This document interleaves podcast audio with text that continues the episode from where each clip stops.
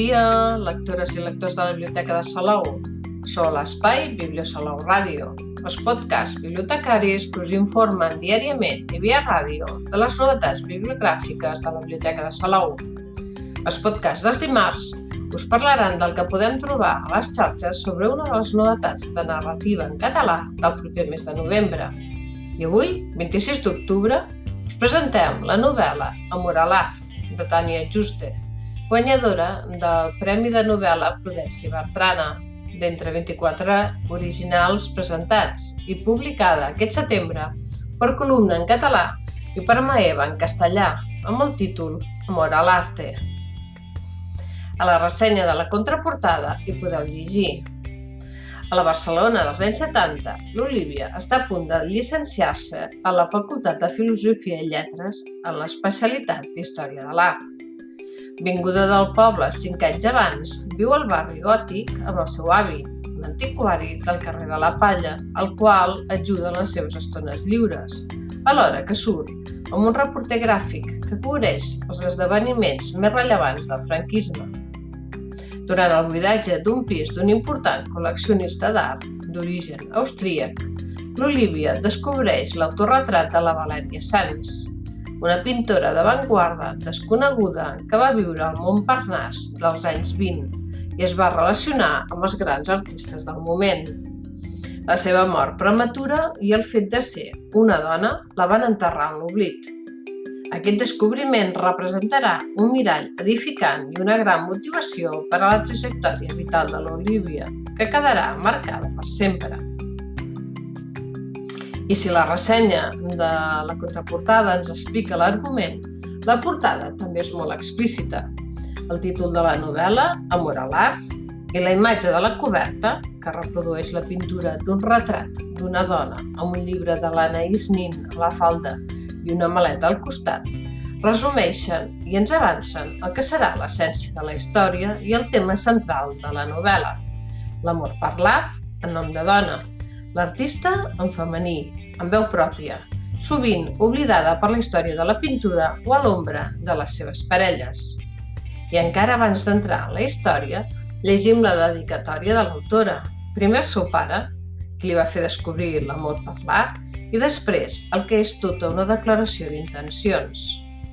A totes les dones lliures, independents i valentes que han triat i defensat una vida pròpia.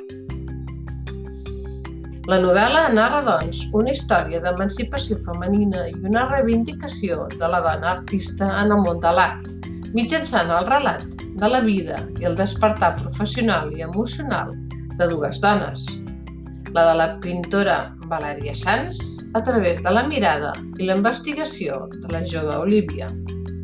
Són dues històries simultànies en dos escenaris contraposats, la Barcelona de les acaballes del franquisme, de la mà de l'Olívia, que aspira a triomfar en la seva professió i a formar una família, amb una ambientació de barri al voltant de la plaça del Pi i del carrer de la Palla, conegudes pels seus mercats d'art i pels seus antiquaris, però també la de la Barcelona revolucionària dels universitaris.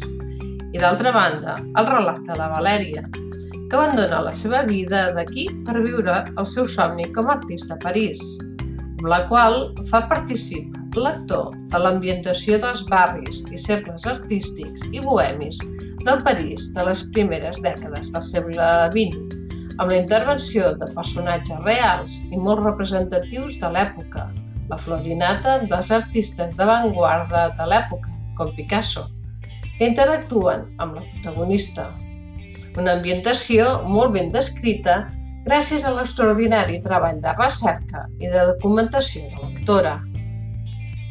La novel·la té 408 pàgines, 33 capítols curts, només numerats, i un epíleg final que clou la història de l'Olívia, i no gaire més enllà la de la Valèria.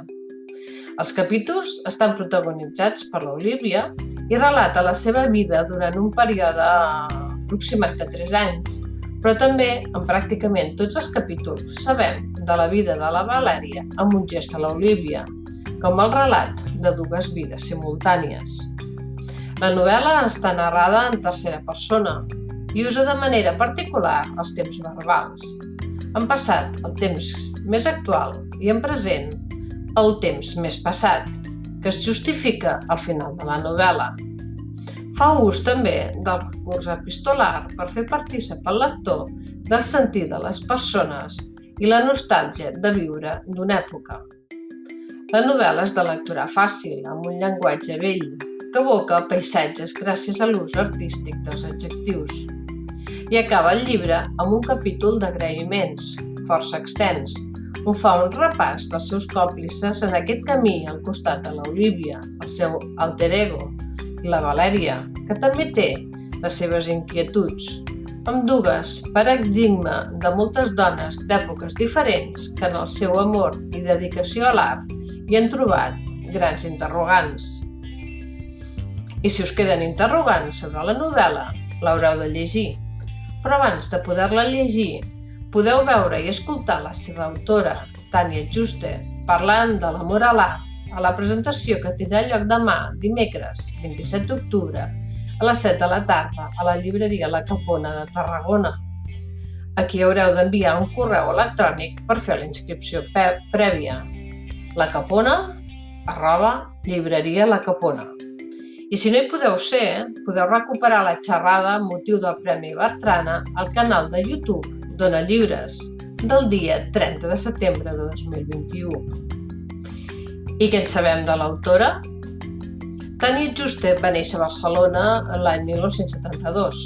És escriptora llicenciada en Història, amb especialitat la Història de l'Art, per la Universitat de Barcelona L'any 2009 va publicar la seva primera novel·la, A flor de pell, amb una nova edició per columna de l'any 2020, situada a la Barcelona dels anys 20, en plena dictadura de Primo de Rivera. El 2010 va publicar en l'antologia Veus de la nova narrativa catalana, coordinada per Lolita Boix i editat per Empúries i Anagrama.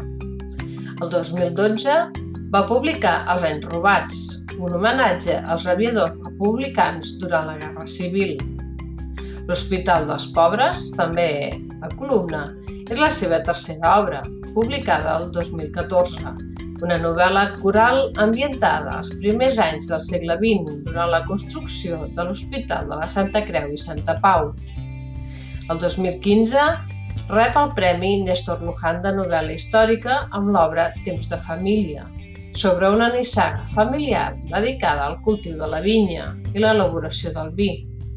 I el 2018 publica Passatge al Nou Món, una travessia transatlàntica que el 1918 porta la seva protagonista barcelonina a una nova vida a la Patagònia.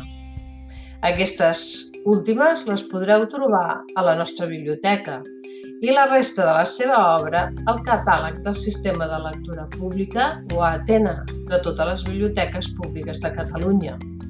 Les sis novel·les les podreu trobar també en digital a lebiblio.cat.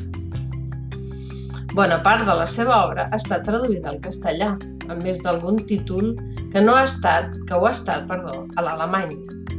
Compagina l'escriptura amb feines de traducció al català i al castellà, i també fa col·laboracions en llibres col·lectius i en revistes i participa en activitats literàries, xerrades, taules rodones, clubs de lectura, certàmens literaris i a l'organització de rutes literàries. Podeu seguir la Tània Juste per Facebook, barra Tània Juste, amb majúscules, per Instagram, barra Tània Juste Books, tot en minúscula, per Twitter, arroba Tània Juste, amb dues en majúscula, a més de consultar la seva pàgina web http dos punts barra barra taniajuste.com en minúscules per conèixer la persona, l'escriptora, què en diu la premsa i el seu blog. La finestra, un racó des d'on observar. I fins aquí el podcast d'avui, però tenim més novetats de narrativa en català que anirem descobrint cada dimarts. Que tingueu molt bon dia i molt bones lectures que us acompanyin en el dia a dia.